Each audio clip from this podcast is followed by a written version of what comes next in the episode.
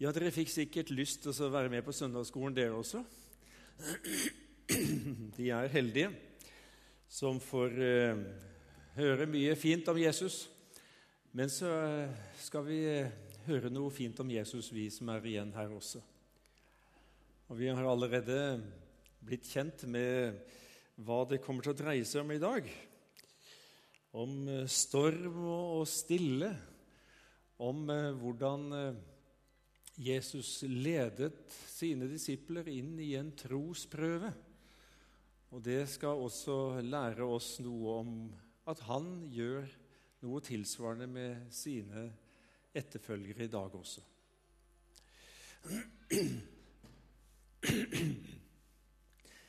Det er i Matteus 8 vi finner dagens tekst, fra vers 23. Unnskyld. det Nei, det er ikke Det er bare eh, noe som ikke skulle ha vært der, men ellers, eh, ellers takk, Ivar. Vi leser i Jesu navn fra vers 23. Så gikk han i båten, og disiplene fulgte ham. Og se, det blåste opp en kraftig storm på sjøen, så båten ble skjult av bølgene. Men han sov. Da gikk disiplene bort til ham og vekket ham og sa, Herre, frels oss, vi går under. Han svarte, Hvorfor er dere så redde, dere lite troende? Så reiste han seg og truet vindene og sjøen, og det ble blikk stille. Mennene undret seg og sa, Hva er dette for en som både vinden og sjøen er lydige mot? Kjære Jesus, nå får vi lov til å ha kontakt med deg, du som talte disse kraftige ord en gang på Genesaretsjøen. Så er dine ord like virkekraftige i dag også. Og vi ber om at du ved din ånd må la oss få erfare det her i formiddag. At det kunne gjøre noe med oss, vi som er her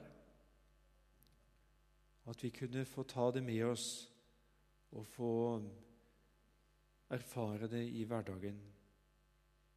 Amen.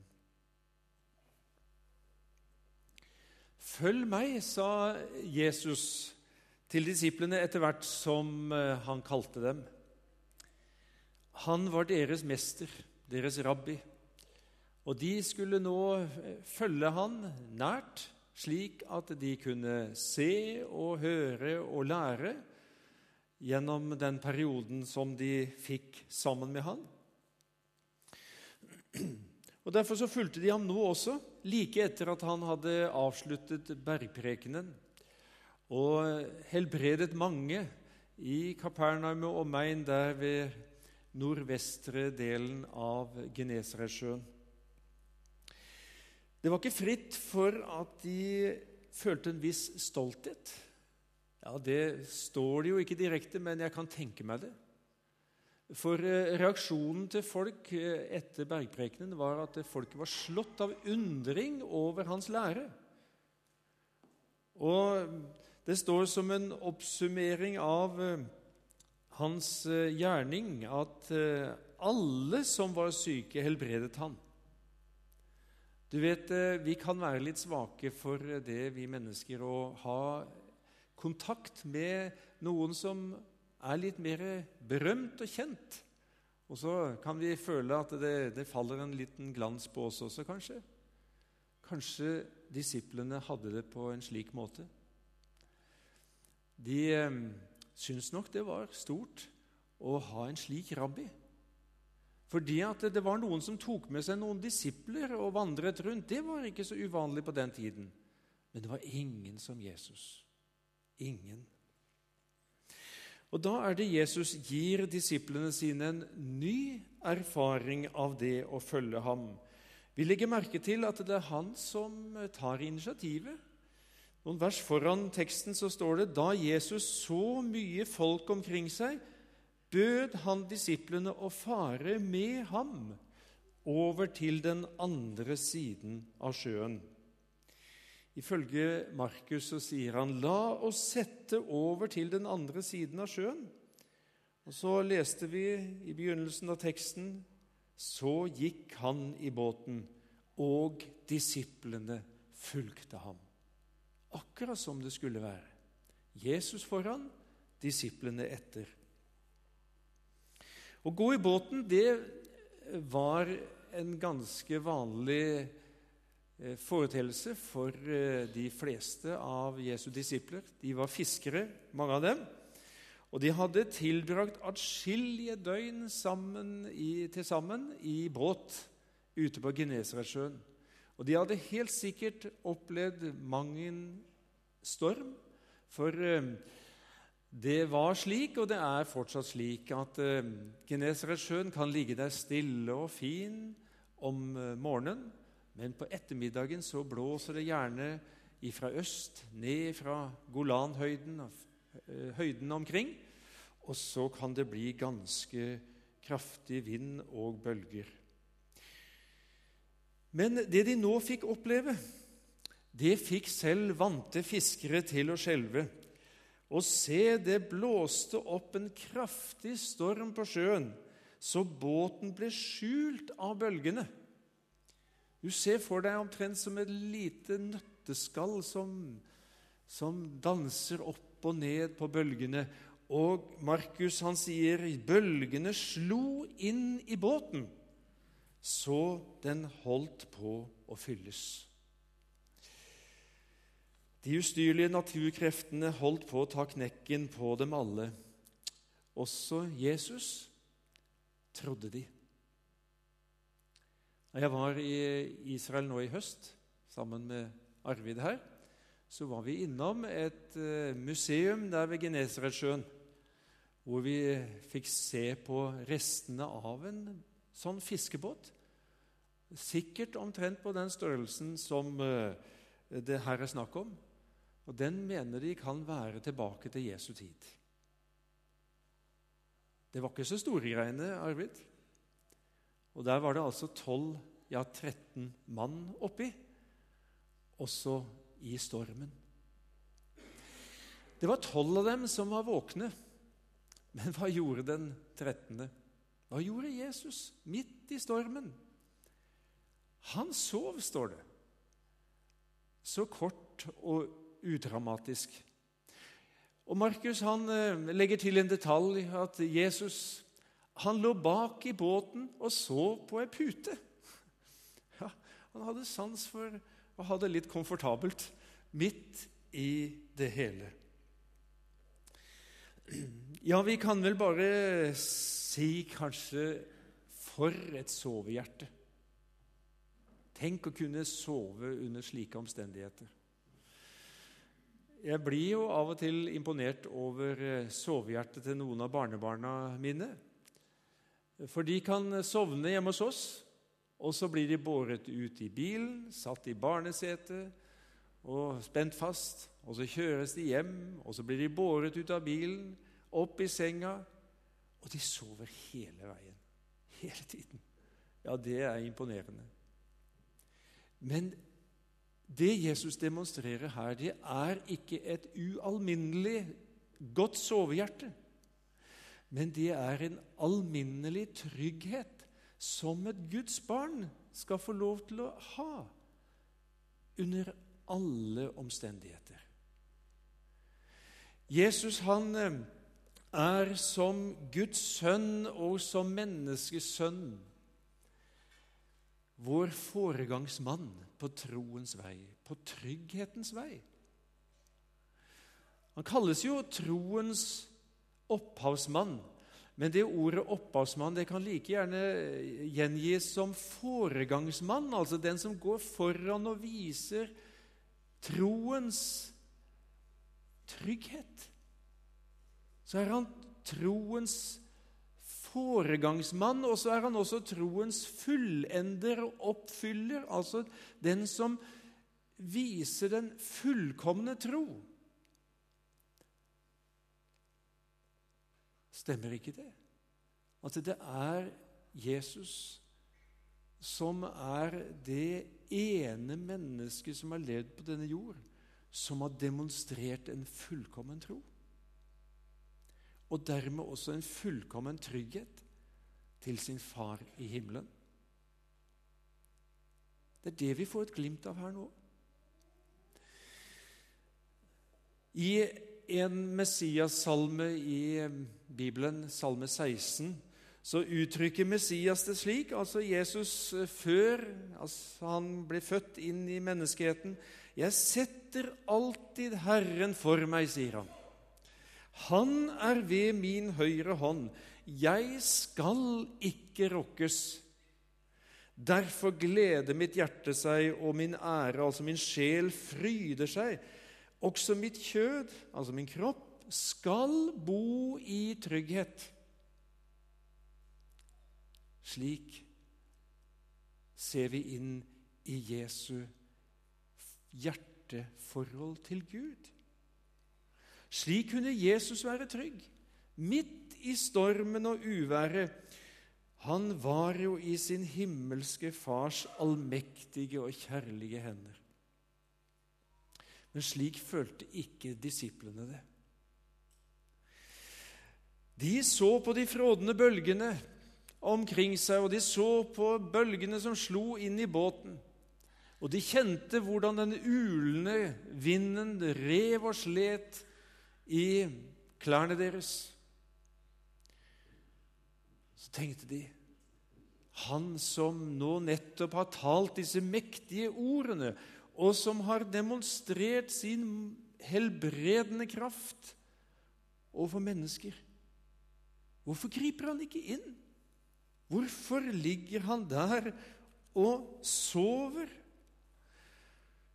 Markus han gjengir deres nød på denne måten.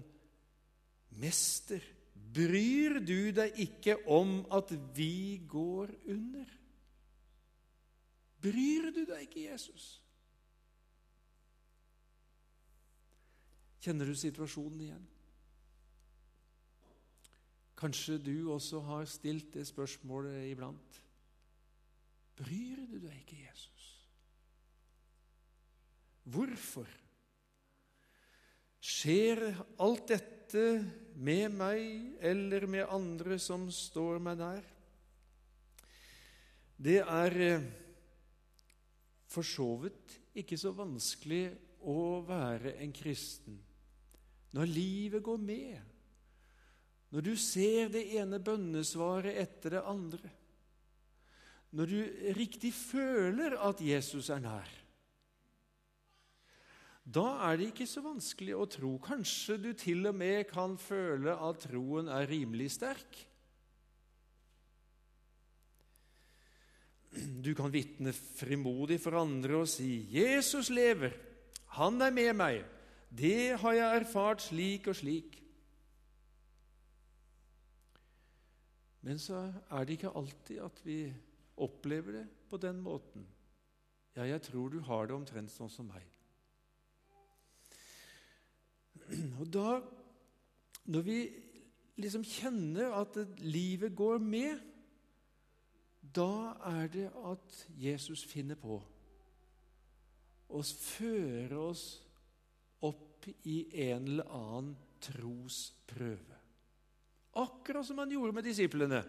Når de følte virkelig at de var kommet på en, skal vi si, en popularitetsbølge, så er det Jesus vil føre dem et steg videre på troens vei og la dem få erfare litt av troens vesen.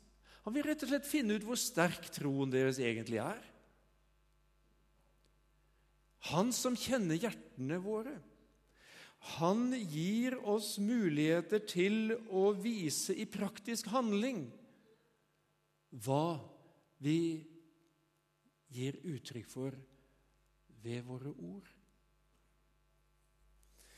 Det står i Salme 11, vers 5.: Herren prøver den rettferdige. Han tester altså den som står i et rett forhold til ham. og gir han muligheten til å vokse i troen. Når vi blir satt på prøve og møter vanskeligheter, så har vi så lett for å tenke Hva galt har jeg gjort nå? Hva er det Gud vil straffe meg for nå? Jeg vet ikke om du har tenkt sånn noen gang. Det er så fort gjort å, å komme inn på det sporet der. Og så glemmer vi at det er den Herren elsker, han tukter. Det er den grenen som bærer frukt, som han renser, altså beskjærer, for at den skal bære mer frukt.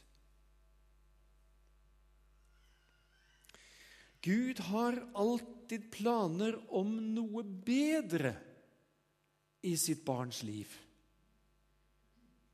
Han har ikke noen planer om, om noe verre, kan du tro. Alltid noe bedre. Derfor så har han sørget for at alle ting som skjer i Guds barnets liv, må samvirke til det gode.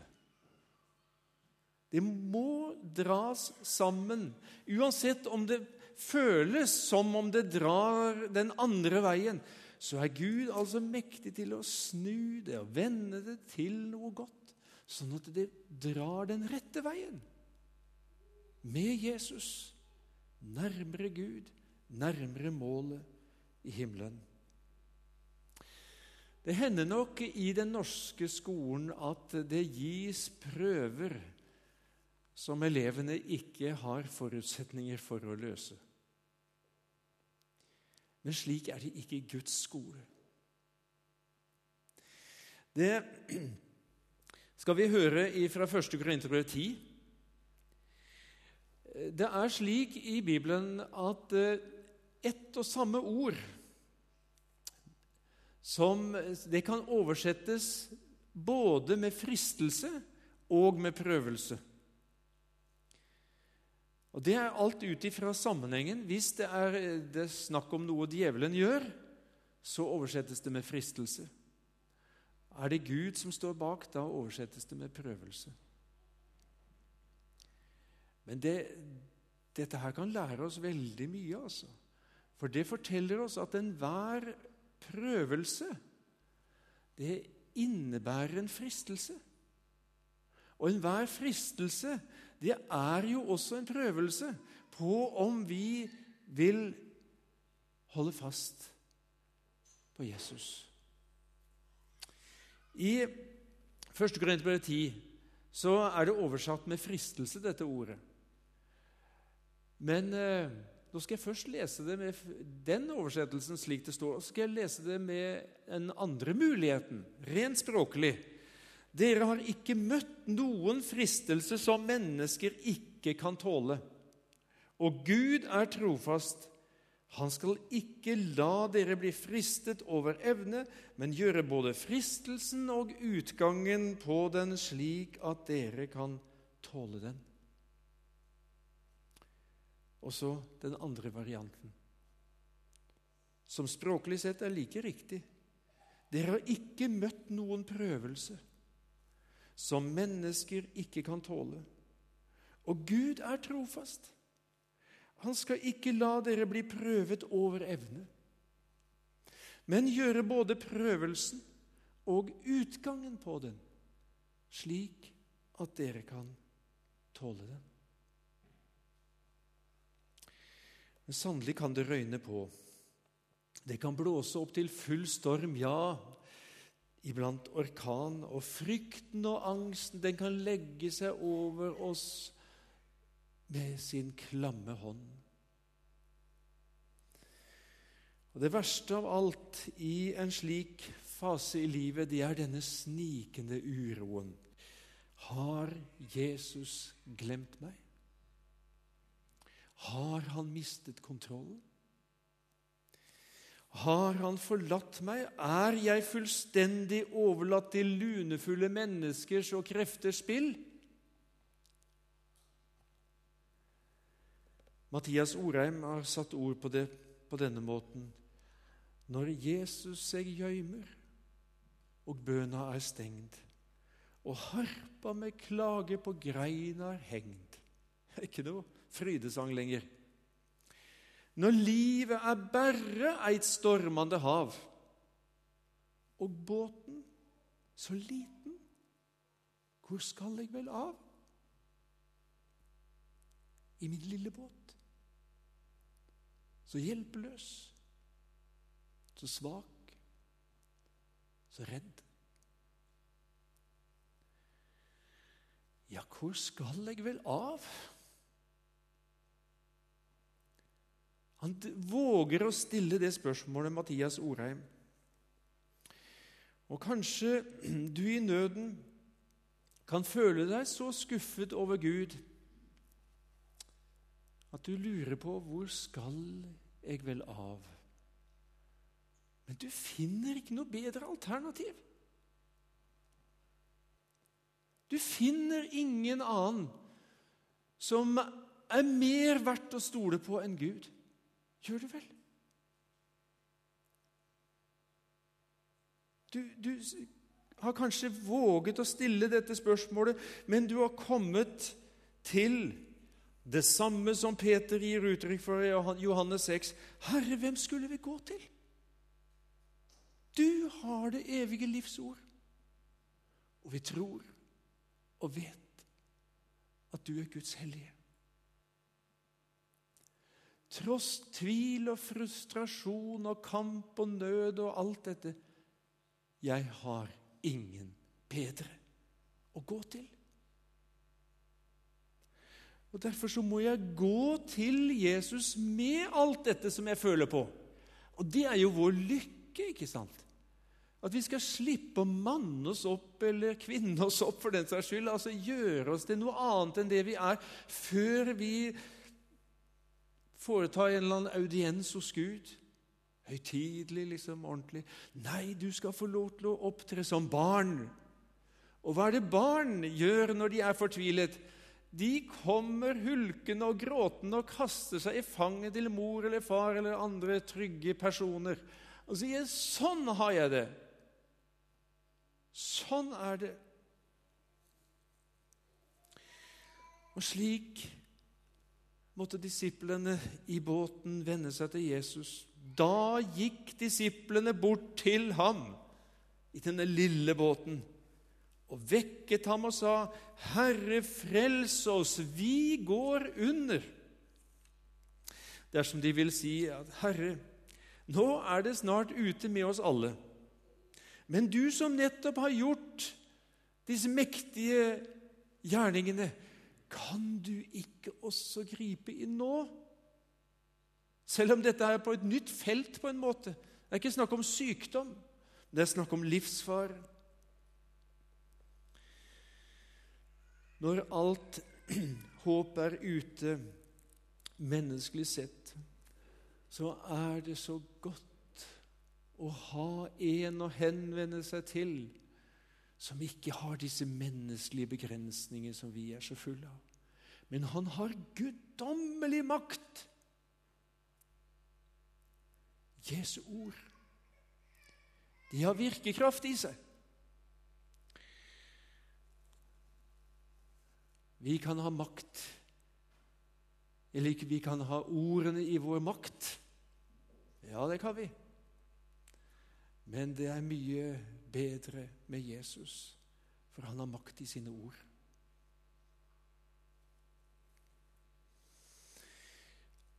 Det som eh, er så fint å legge merke til her, det er at Jesus han var i samme båt som disiplene. Jeg tror, jeg har ikke undersøkt det rent sånn språkhistorisk, men jeg forundrer meg ikke om det uttrykket 'å være i samme båt' at det kommer herifra. Det er mange uttrykk i det norske språk som har bibelsk bakgrunn. Å være i samme båt. Vi vet hva det dreier seg om. Og Det ble godt for meg å tenke på det. at det, Her er det rett og slett slik at Jesus er i samme båt som oss. Jesus er i samme båt som meg. For han har prøvd i alle ting, i likhet med oss, men uten synd. Og tenk på det neste gang du opplever kamp og storm og strid. Kanskje du gjør det akkurat nå for tiden. Selv om det ikke sagt, ligger tykt utenpå, så er du kanskje midt i stormen nå. Tenk på det! Jesus er i samme båt som deg.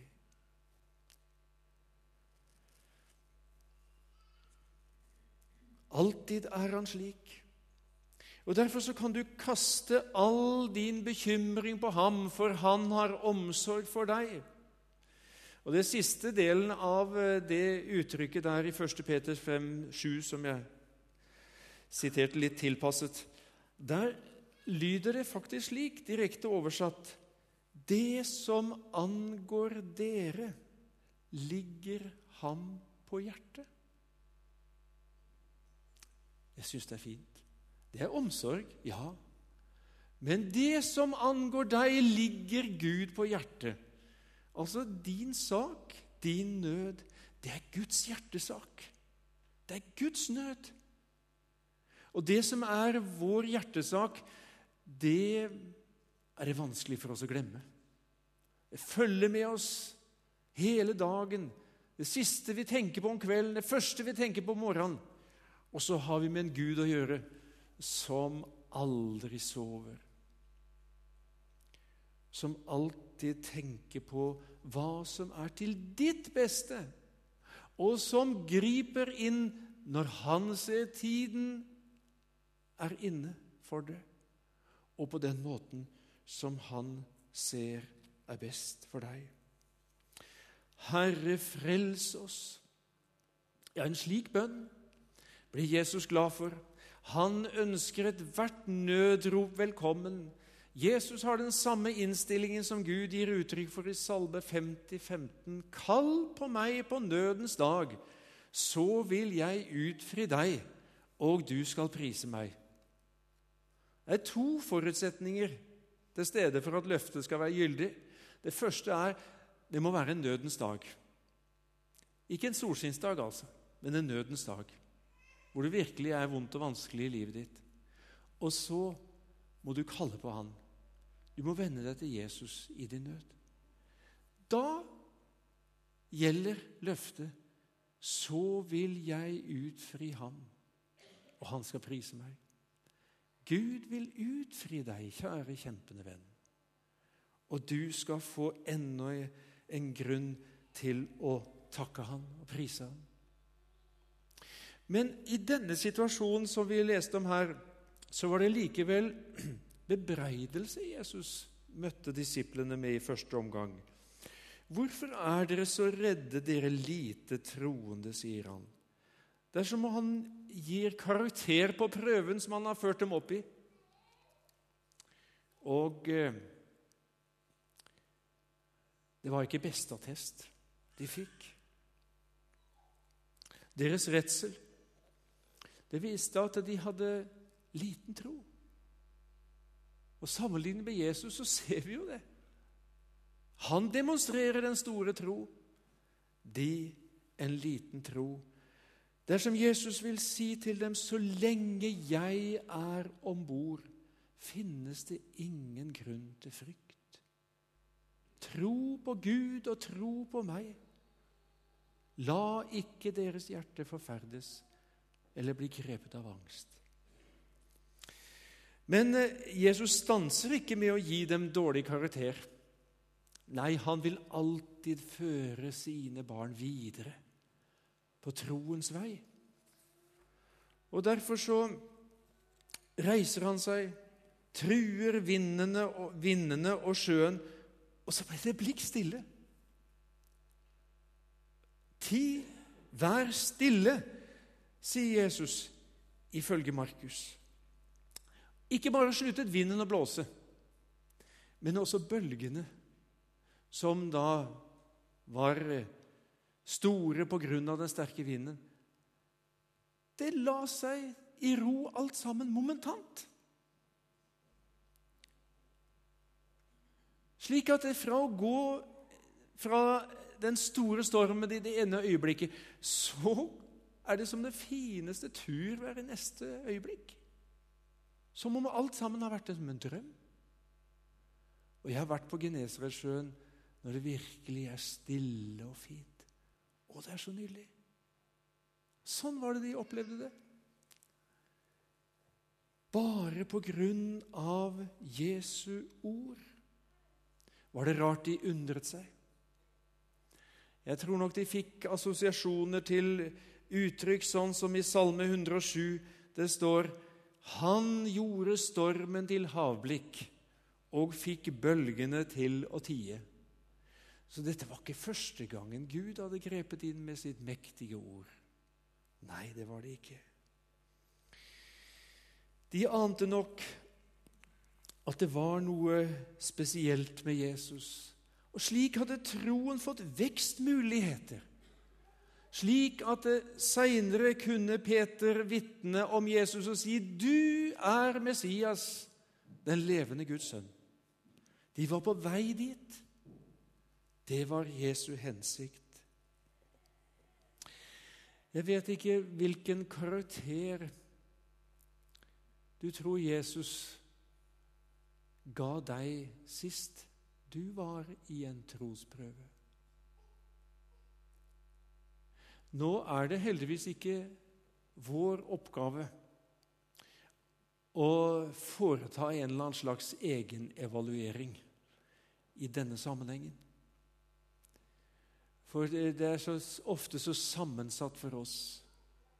Men allikevel så kan det være nødvendig å tenke hvordan reagerer jeg når det virkelig stormer? Nå skal ikke jeg si alt om meg i den sammenhengen, men jeg vil si litt om at når det dreier seg om frelse og syndenes forlatelse, så er det vanligvis ikke så vanskelig for meg å tro at Jesus umiddelbart svarer på min bønn om tilgivelse. Det er jo det viktigste for deg og meg, er det ikke det? At vi kan våge å tro det at eh, Jesu Guds sønns blod renser ifra all synd. Så uansett altså hva som møter meg i livet, så vet jeg at jeg hører Jesus til. Det må jo være det grunnleggende. Tenk å få stå i nåde hos Gud for Jesus skyld. Dere er alt rene på grunn av de ord jeg har talt til dere, sier Jesus. Takk, Jesus, får jeg lyst til å si. Men når det gjelder bønn om andres frelse, eller for så vidt også andres helse, eller egen helse, da er det ikke alltid fullt så enkelt å tro at Gud har akkurat samme makt og samme kraft i sitt ord. For eh, det er jo også slik vi ser det i Skriften og erfarer det i troens liv, at eh, Jesus ikke alltid svarer med en gang.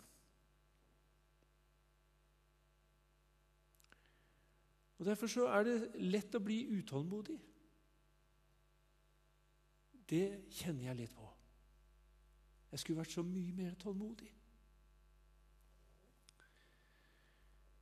Ventet med stor forventning om hva han vil gjøre når han ser tiden er inne. Hvordan lærer vi tålmodighet? Eller hvordan blir vi tålmodige? Det skjer ikke over natten. Det er noe vi må lære i Guds skole. Og Her kommer nettopp disse tingene som vi snakker om her. De kommer inn. For trengslene virker tålmodighet, står det i Rombrevet 5. Og I Jakob 1 står det at dere vet at når troen blir prøvet, virker det tålmodighet. Hva er det som er så fint med tålmodighet? Jo, det er en egenskap som gjør at du holder ut i tro og tillit til Guds løfter inntil de blir oppfylt. Og Det er, det er også en viktig egenskap med tanke på å holde ut i troens strid inntil Jesus henter deg hjem til seg en gang.